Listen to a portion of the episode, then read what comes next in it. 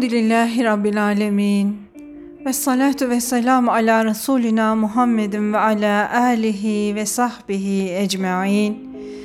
Euzu billahi mineşşeytanirracim. Bismillahirrahmanirrahim. Allah Teala'nın selamı, rahmeti, bereketi her birinizin üzerine olsun değerli Mesnevi dostlarım. İlaç gibi bir sohbetimize daha başlıyoruz efendim. Gönüllere şifa olsun inşallah.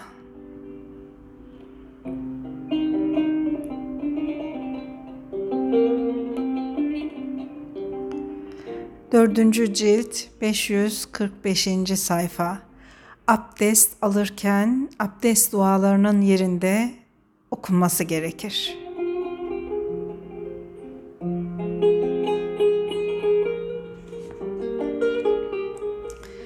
Önce şöyle bir şerhinden abdest duaları ile ilgili bilgi verelim değerli dostlarım.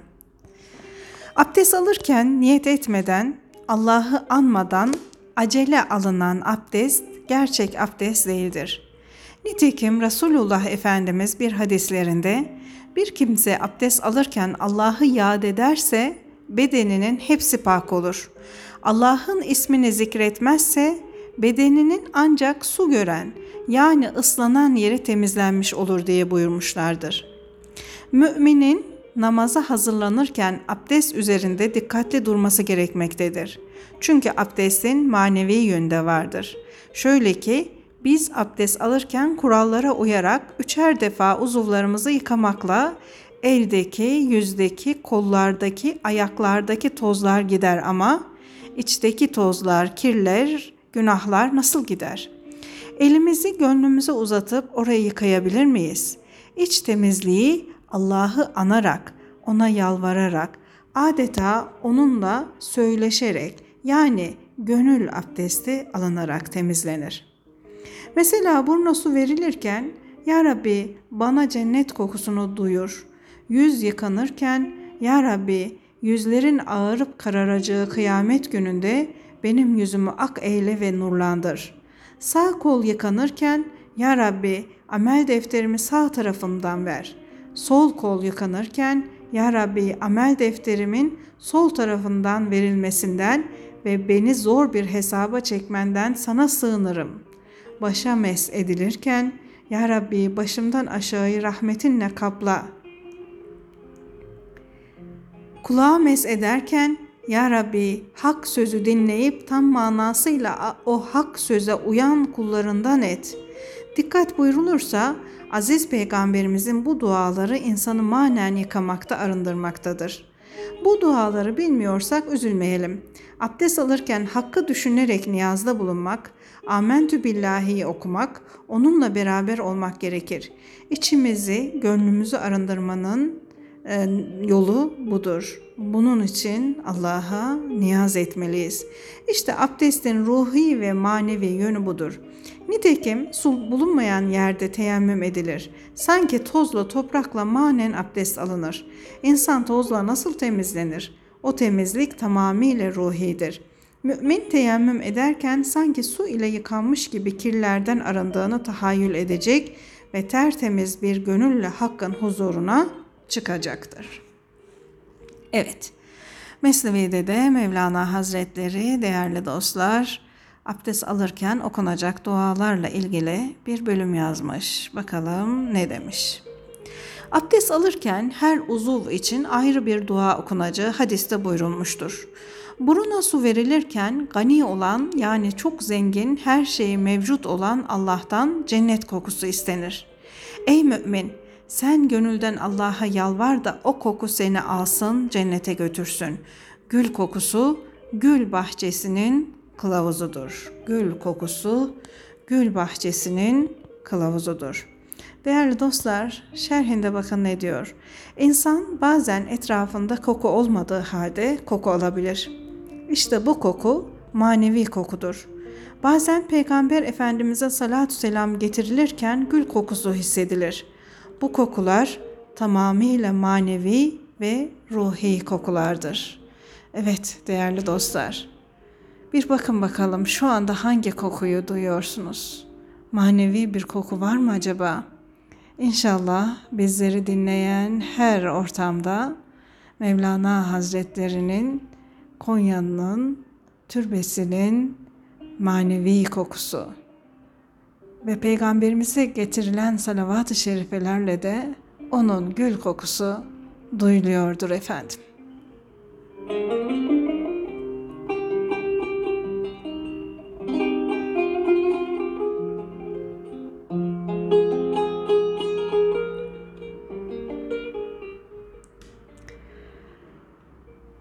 Pislikten temizlenirken de sözün Ya Rabbi sen beni bu pislikten arıt sözü olsun. Arkanı yıkarken Ya Rabbi benim elim ancak buraya kadar uzandı. Burasını yıkadı, temizledi.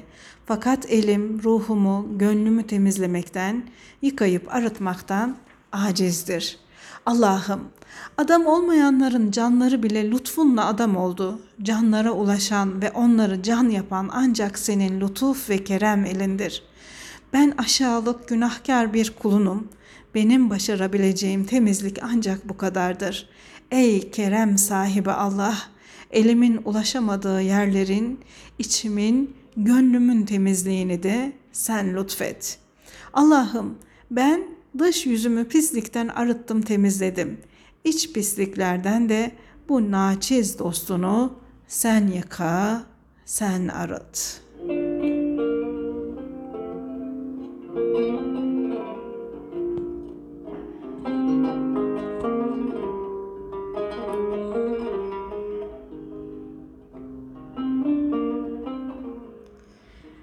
Evet, abdest duaları ile ilgili çok güzel bir bölüm ayırmış Mesnevi'de Mevlana Hazretleri değerli dostlar. Bu duaları öğrenip okuyabilenlere ne mutlu. Şimdi bir hikayeye geçiyoruz. Çok güzel bir hikaye. Lütfen dinleyenler çocuklarına da bu hikayeyi anlatsınlar. Çok dersler var, çok.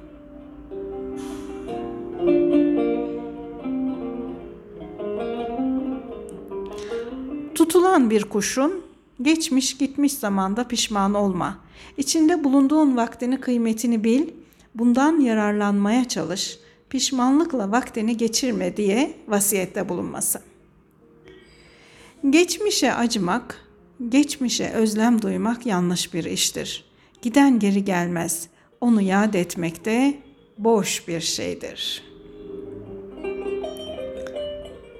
Değerli dostlar, Hazreti Mevlana bu konuya daha önce de temas etmişti. Mesnevi birinci ciltte şöyle diyordu. Ey arkadaş, Sufi bulunduğu vaktin oğludur. Bu iş yarın olsun, yarına kalsın demek tarikat anlayışına uymaz. Şeyh Sadi de aynı fikirdedir değerli dostlar. Diyor ki ey Sadi dün geçip gitti yarın da şu anda mevcut değildir. Sen ikisinin arasındaki bulunduğu vakitten yararlan. Hele bu konuda Ömer Hayyam'ın bir rübayesi ver ki akıllardan hiç çıkmasın. Diyor ki bakın değerli dostlar. Geçmiş eyyamı sakın yad etme.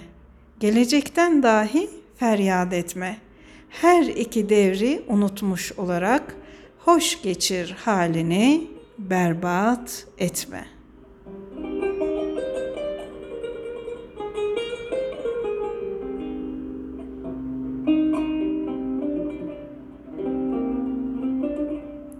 Geçmiş eyyamı günleri sakın yad etme. Gelecekten dahi feryat etme. Her iki devri unutmuş olarak hoş geçir halini berbat etme. Evet, devam edelim bakalım kuşun hikayesine. Kuşun biri hile ile tuzakta yakalanmıştı. Kuş kendini yakalayana dedi ki ey efendi sen hayatında birçok sığır ve koyun yemişsindir birçok deve de kurban etmişsindir. Sen onların etleri ile bile doymadın, benim bedenimle de doymazsın. Beni serbest bırak da sana üç öğüt vereyim. Vereyim de bil bakalım akıllı mıyım, aptal mıyım? O üç öğüdümün birincisini senin elinde vereyim. İkinci öğüdümü samanla karışık balçıktan yapılmış damının üstünde vereyim. Üçüncüsünü de ağacın üstüne konunca söylerim. Sen bu üç öğüt yüzünden mesut olursun. Elinde iken vereceğim öğüt şudur. Olmayacak şeye kim söylerse söylesin inanma. Evet, birinci öğüt değerli dostlar. Kendini yakalamış olanın eli üstünde iken o değerli öğüdü söyleyince azad oldu, uçtu, duvarın üstüne kondu. Bir de geçmiş gitmiş şeye gam yeme. Bir şey senden geçip gittikten sonra onun hasretini çekme. Ondan sonra dedi ki, içimde on dirhem ağırlığında çok kıymetli eşi bulunmaz bir inci vardı. O inci seni de çocuklarını da devlete ve saadete kavuştururdu. Fakat kısmetin değilmiş. Dünyada eşi bulunmayan o inciyi kaçırdın. Bunun üzerine avcı gebe kadın doğururken nasıl feryat ederse tıpkı onun gibi ah etmeye, feryat etmeye koyuldu. Kuş, sakın geçmiş bir şeye gam yeme demedim mi dedi. Madem ki inci elinden gitti, neden gam yiyorsun? Sözümü anlamadın mı yahut sağır mısın? Sonra bir de sana olmayacak şeye sakın aldanma demedim mi? O arslanın benim kendim üç dirhem gelmez bir serçe kuşu iken içimde on dirhemlik inci nasıl bulunabilir? Adam kendine geldi de peki dedi. Haydi o üçüncü öğüdü de söyle. Evet dedi kuş. Öbür öğütleri tuttun da üçüncüsünü sana bedavaya söyleyeyim öyle mi? Gaflet uykusuna dalmış bir bilgisize öğüt vermek, çorak bir yere tohum ekmek demektir. Evet.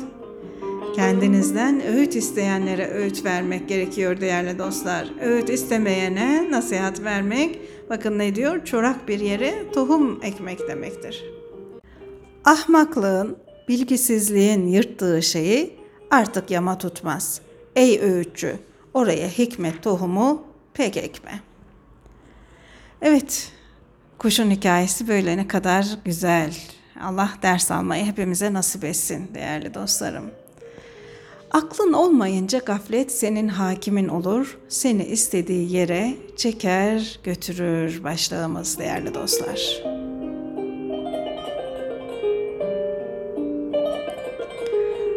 Aklın olmayınca gaflet ve unutuş senin amirin olur, sana düşmanlık eder, tedbirini yaptığın işleri bozar. Zavallı pervane aklının azlığından ötürü ateşin hararetini de, yakışını da, sesini de yad edemez.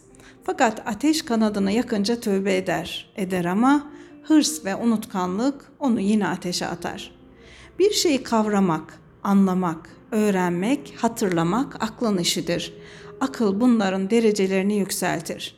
Pişman oluş azabın, zahmetin sonucudur. Yoksa parlak bir aklın yüzünden değildir. Zahmet, azap, mihnet, hastalık vesaire geçince pişmanlık da yok olur gider. Bu sebeple o tövbe, o pişmanlık bir avuç toprağa bile değmez. O pişmanlık gam ve keder karanlığı içinde yükünü bağlar gider. Gam ve keder gidince tövbe ve pişmanlık da unutulur. Gündüz gelince kimse geceden bahsetmez.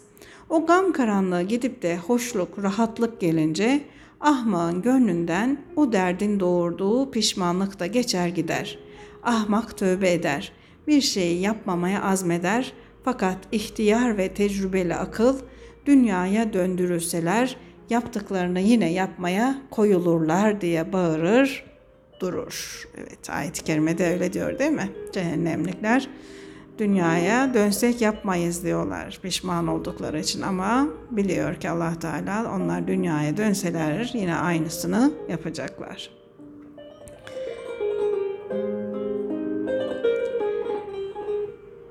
Başlık değerli dostlar. Vehmin aklın zıttı oluşu ve akılla savaşıp durması. Vehim de akla benzer ama akıl değildir. Ne güzel ha, ne güzel hayat öğretileri bunlar. Çok kıymetli değerli dostlar, çok. Ey hak yolcusu! Akıl şehvetin zıttıdır. Şehvete esir olmuş kişiye akıllı deme. Şehvet dilencisi olan kişide bulunana akıl değil vehim de. Vehim altın gibi olan akılların sahtesidir, sahte halidir. Vehim ile aklın ne olduğu kıymeti mihenksiz bilinmez.'' Her ikisini de çabucak mihenk bulunan yere götürüp dene. Akıl ile vehmin miyar ve mihengi Kur'an ile peygamberin halleridir. Bunlara kıyaslanınca akıl mı, vehim mi olduğu belli olur. Zaten mihenk taşı sahte olanlara gelin diye meydan okumaktadır. Gel der sahtelere. Gel de benim yüzümden ne hale girdiğini gör. Çünkü sen ne benim inişimin ehlisin ne de çıkışımın. Bir testere aklı ikiye bölse ateş içinde akıl özelliğini korur yine altın gibi güler durur. Evet, vehime sahip olanlar dünyalık şehvetlerin peşine düşmüş, aklını onlarla yitirmiş, onun peşinde olan insanlardır. İşte o sıkıntılar, o vehmin onlara açtığı sıkıntılar onları dibe batırır durur. Akıl ise her daim gerçeği ve doğruyu görür. Ve insanı pişman edecek amellerin peşinde koşturmaz değerli dostlar. Bir başlık akla sahip olan Musa aleyhisselam ile vehme sahip olan Firavun'un konuşmaları. Şimdi akıl ve vehmi burada daha iyi anlayacağız inşallah.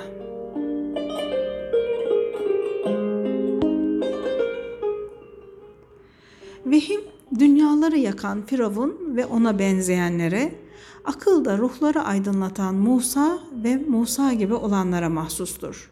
Hazreti Musa Firavun'u Hakk'a davet ederken yokluk yoluna düşmüş yani tevazu ve mahviyet göstermişti. Firavun ona kimsin diye sorunca Musa ben aklım dedi. Ben Allah'ın elçisiyim, Allah deliliyim. İnsanı sapıklıktan kurtarır, aman veririm. Firavun hayır dedi. Sus, hayhuy etme. Kimin nesisin, eski adın ne, onu söyle. Musa, ben onun toprağındanım. Yani Allah beni topraktan yarattı. Asım, asıl adım da Allah'ın aciz kuludur. Onun o bir olan Allah'ın oğluyum. Onun kulları tohumundanım. Halayıkların rahimlerinden doğmuşum. Aslım topraktan balçıktandır. Allah balçığa can verdi, gönül ihsan etti. Topraktan yaratılan şu bedenimin dönüp varacağı yer topraktır. Ey korkunç adam, senin gideceğin yer de yine topraktır.'' Bizim de baş çeken asilerin de aslımız mayamız topraktır. Buna yüzlerce delil var. Bedenin topraktan yardım görmektedir. Boynun topraktan biten gıdalarla eğilip doğrularak, dönüp durarak beslenmektedir. Ruh gidince bedende yine toprak olmakta, o korkunç mezarda çürüyerek toprağa karışmaktadır. Evet, o korkunç mezar için bir şerh koymuş altına Rivayet edilir ki Hazreti Ömer kıyamet mahşer konuşulunca pek üzülmez de mezardaki durum onu çok korkuturmuş. Mezardan bahsedilince rengi sararırmış. Bunun sebebini sormuşlar demiş ki mahşerde birçok halk vardır. Bela, ızdırap herkese gelince insan teselli bulmasa bile kabrin yalnızlığı ayrı bir ızdırap verir.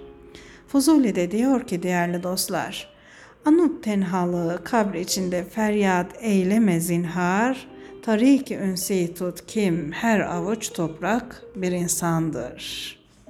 Evet değerli dostlar, milyonlarca yıldır dünyada insanoğlu var. Yerden bir avuç toprak alsak, orada bir insanın kabrinden alınmış bir toprağın olmadığını kim garanti edebilir? Mutlaka onda da bir insanın toprağı vardır diyor Fazoli değerli dostlar.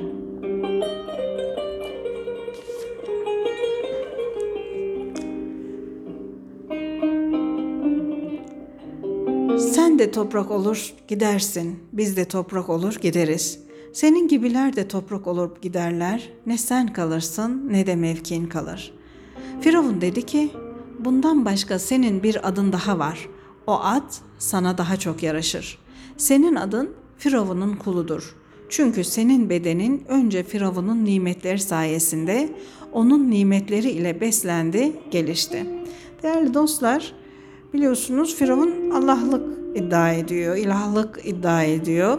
Hem Firavun'un kulu demekle onu kastediyor hem de Firavun'un sarayında Hazreti Musa'nın yetişmesi, büyümesini kastediyor. Hem de Musa'nın babası İmran Firavun'un saray memurlarından idi ve onu da kastediyor burada Firavun. Hem de düşman, azgın, pek zalim, kötü davranışları yüzünden bu vatandan kaçmış bir hain. Evet, Musa Aleyhisselam'a böyle söylüyor. Sen kanlı, gaddar, hak tanımaz bir kulsun. Öteki sıfatlarını bu huylara göre kıyas eyle.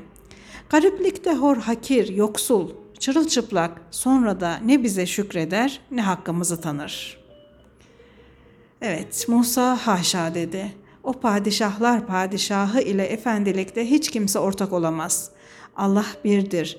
Mülk sahibi oluşta birdir, ona eşit yoktur. Kullarına ondan başka sahip bulunmaz. Yarattıklarına ondan başkası sahip olamaz. Helak olacak bir kişiden başkası onunla ortaklık davasına girişemez. Beni nakşeden, bana bu sureti veren de odur. Bir başkası bu yaratma davasına kalkışırsa zalimdir. Ey Firavun, sen benim kaşımı bile yapmaya gücün yetmez. Nasıl olur da beni yarattığını söyleyebilirsin? Aslında gaddar da sensin, azgın da sen. Çünkü Allah'a şirk koşuyorsun. İkilik yani ortaklık davasına kalkıyorsun. Eğer ben bir memuru yanlışlıkla öldürdüysem onu nefsim için bir oyun ve bir iş için öldürmedim. Ben ona bir yumruk vurdum, düştü ve öldü. Zaten kendisinde ilahi bir ruh bulunmayan o kişi can verdi. Ben bir köpek öldürdüm. Sen ise peygamber oğulları olan Beni İsrail'den yüz binlerce suçsuz kimseye zararı olmayan çocukları öldürdün. Onların kanları hep senin boynundadır. Bakalım bu kan yüzünden başına neler gelecek.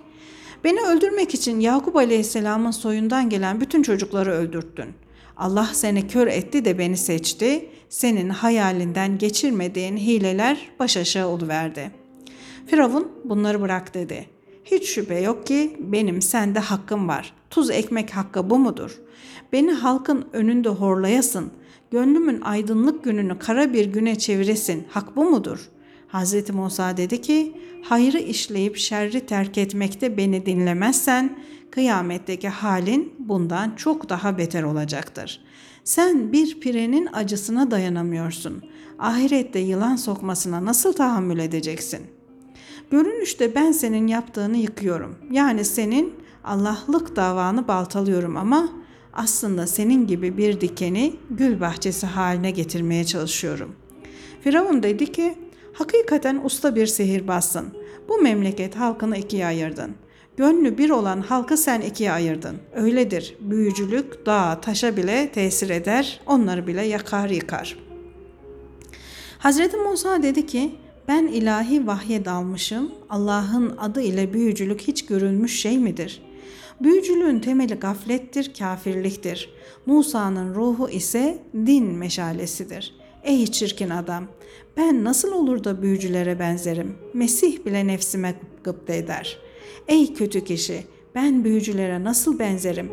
Kitaplar bile benim ruhumdan nur alır.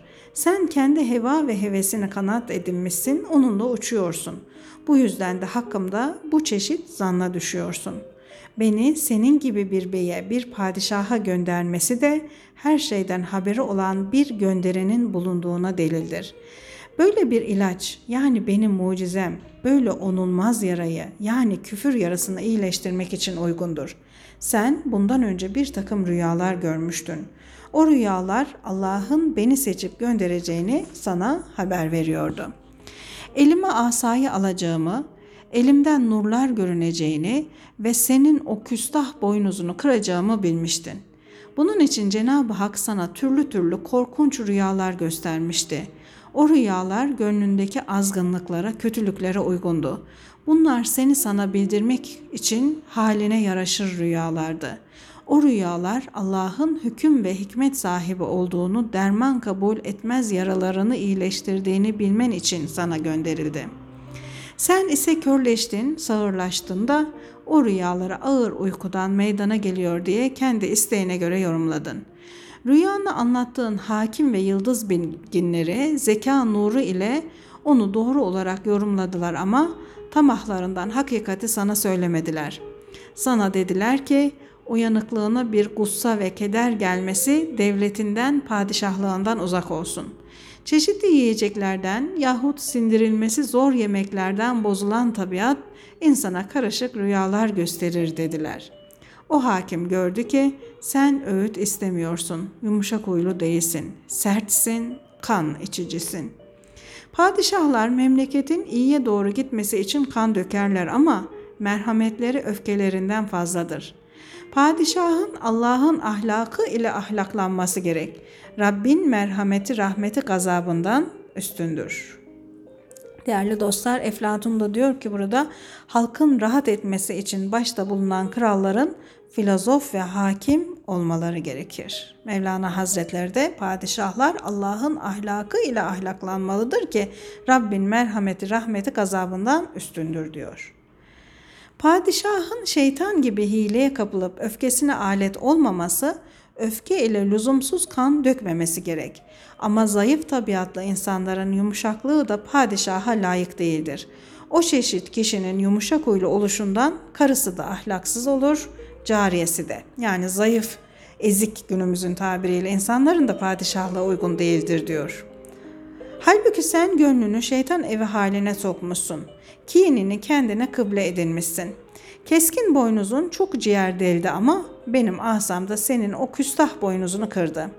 Dünyada sadece bedenleri ile yaşayanlar yani ruhani hayattan nasibi olmayanlar ruhani hayat yaşayanların din ve iman kalelerine saldırdılar. Bu saldıranların maksadı ruhanilerin bulunduğu alemden, mana aleminden yeni bir er gelmesin diye gayb aleminin kapısını gizlilik geçidini tutmaktır, orasına ele geçirmektir. Mana gazileri, ruhani erler savaşta gevşek davranırlarsa, imansızlar Allah'ı inkar edenler saldırıya geçerler. Evet. Ne diyor bakın? Mana gazileri, ruhani erler savaşta gevşek davranırlarsa, imansızlar Allah'ı inkar edenler saldırıya geçer. Ey kötü huylu Firavun! Ey imansız kişi! Gayb gazileri, hilimleri, yumuşak tabiatları yüzünden sana hücum etmediler. Sen ise gayb erlerinden bu dünyaya kimse gelmesin diye gayb geçitlerine saldırdın. Bu tarafa gayb aleminden bir kişi gelmesin diye gizlilik geçidi olan ana rahimlerine, ata bellerine pençe attın, zulümle geçidi tutmak istedin. Sen Allah'ın nesillerin, soyların üremesi için açtığı yolu yani ana rahmini nasıl tutabilirsin, nasıl kapatabilirsin? Evet değerli dostlar, Firavun'un Hz. Musa doğmasın diye çocukları öldürdüğünü biliyoruz. Fakat burada Mevlana Hazretleri bu satırları e, dile getirirken benim aklıma günümüzde de nüfusları azaltmak, güya aile planlaması adı altında insanların neslini sayısını azaltmak için yapılan çalışmalarda geldi. Acaba onlar da gayb geçitlerinin önünü tıkamak olarak sayılabilir mi? Bir düşünelim değerli dostlar. Devam edelim. Ey inatçı Firavun, sen gayb aleminin geçitlerini kapattın ama sana körlük vermek için yine de bir yiğit er çıktı. İşte o çıkan yiğit benim. Senin dileğini kırıp dökeceğim, senin adını şanına yok edeceğim. Haydi var git, geçitleri sıkıca tut. Bir müddet daha kendi bıyıklarına gül. Yani hilelerinle oyalan. Kader gelip çatınca çekinmek, kaçınmak faydasızdır. Kader gözleri kör eder. Bunu bilesin diye kader bıyığını tel tel yolar. Senin bıyığın yani saltanatın mı daha güçlüdür? At kavmi mi? Şehirler onların nefeslerinden titrer dururdu. Sen mi daha çok inatçısın yoksa Semud kavmi mi? Varlık alemine onlar gibisi gelmedi. Bu çeşit yüzlerce örnek getirsem gene de sen sağırsın, işitirsin de işitmemezlikten gelirsin.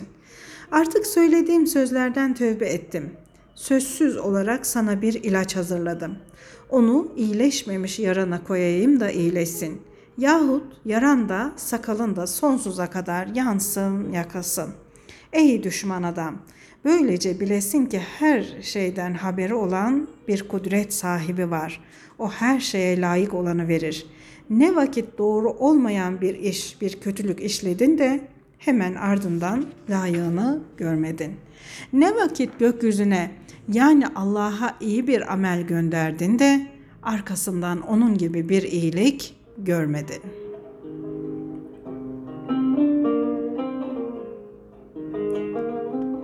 Eğer sen görüp gözetsen, dikkatli ve uyanık olsan her an yaptığın işlerin karşılığını görürsün. Bekleyiş halinde olup dikkat etsen ve şeriat ipini yakalasan, kıyametin gelmesine ihtiyaç kalmaz ve sen hayır ve şer ne işledinse mükafat ve mücazatını dünyada iken görürsün. Gizli kapaklı sözü gerçek olarak anlayan, bilen bir kişiye açık söz söylemeye hacet yok. Bir bela sana aptallığından ötürü gelir çatar. Çünkü gizli kapaklı şeyleri anlamadın gitti. Kötülükten gönlün kararır ve bulanırsa onun bir azap başlangıcı olduğunu anla, şaşkınlığın lüzumu yoktur. İşlediğin günahtan tövbe ve istiğfar et. Yoksa gönlündeki o bulanıklık ve karalık ok olur da korkusuzluğunun cezası olarak sana saplanır. Eğer günah cezasının da oku sana değmediyse Allah'ın lütuf ve keremi ile müsamaha buyurmasındandır. Eğer sana aydınlık bir gönül gerekse görüp gözetmeyi elden bırakma. Çünkü her işin sonunda bir şey doğar, başına bir şey gelir. Değerli dostlar, insanın yaptığı işler hayır ve şer olmak üzere iki türlüdür. Hayır ve şerrin karşılığı ahirette görülür ama onların başlangıcı olarak her iki halin eserleri burada da hissedilir. Mükafatın başlangıcı kalpte manevi bir neşe, ceza başlangıcı da kalpte neşesizlik duyulur. Bu hal bast ve kabz hali olarak nitelendirilir değerli dostlar. Ve son dersimizin son cümlesi. Himmetin bundan fazla olursa bu görüp gözetme, bu murakabe feyziyle işin yücelir. Evet Allah Teala kişiyi görür, gözetir. Yaptığı kötü işler dahi olsa cezasını hemen vermez, ona bir müddet verir. Ama bu kötülüğe devam ederse onun cezasını Allah Teala dünyada da verir, ahirette de fazlasıyla tam hangi cezayı hak ettiyse hiçbir eksiklik olmadan verecektir. İyilik yaptığı zaman da aynı şekilde mükafatını dünyada bir neşe kokusu, bir mutlulukla verir. Ahirette onun mükafatını çok daha fazlasıyla verecektir değerli dostlar. Burada dersimizi bitirelim. Zaman çok çabuk geçiyor. Haftaya Musa aleyhisselamla Firavun'un konuşmalarına devam edelim. Diyor ki Musa sana bir nasihat vereceğim ki ondan fazilet alabilesin diye sana dört faziletten bahsedeceğim diyor. Bakalım ne diyecek? Allah erdirsin. Devam ederiz inşallah sohbetimize değerli dostlar. Allah'a emanet olun. Allah yar ve yardımcınız olsun. Yaptığınız güzelliklerin neşesiyle gönlünüzde olsun inşallah.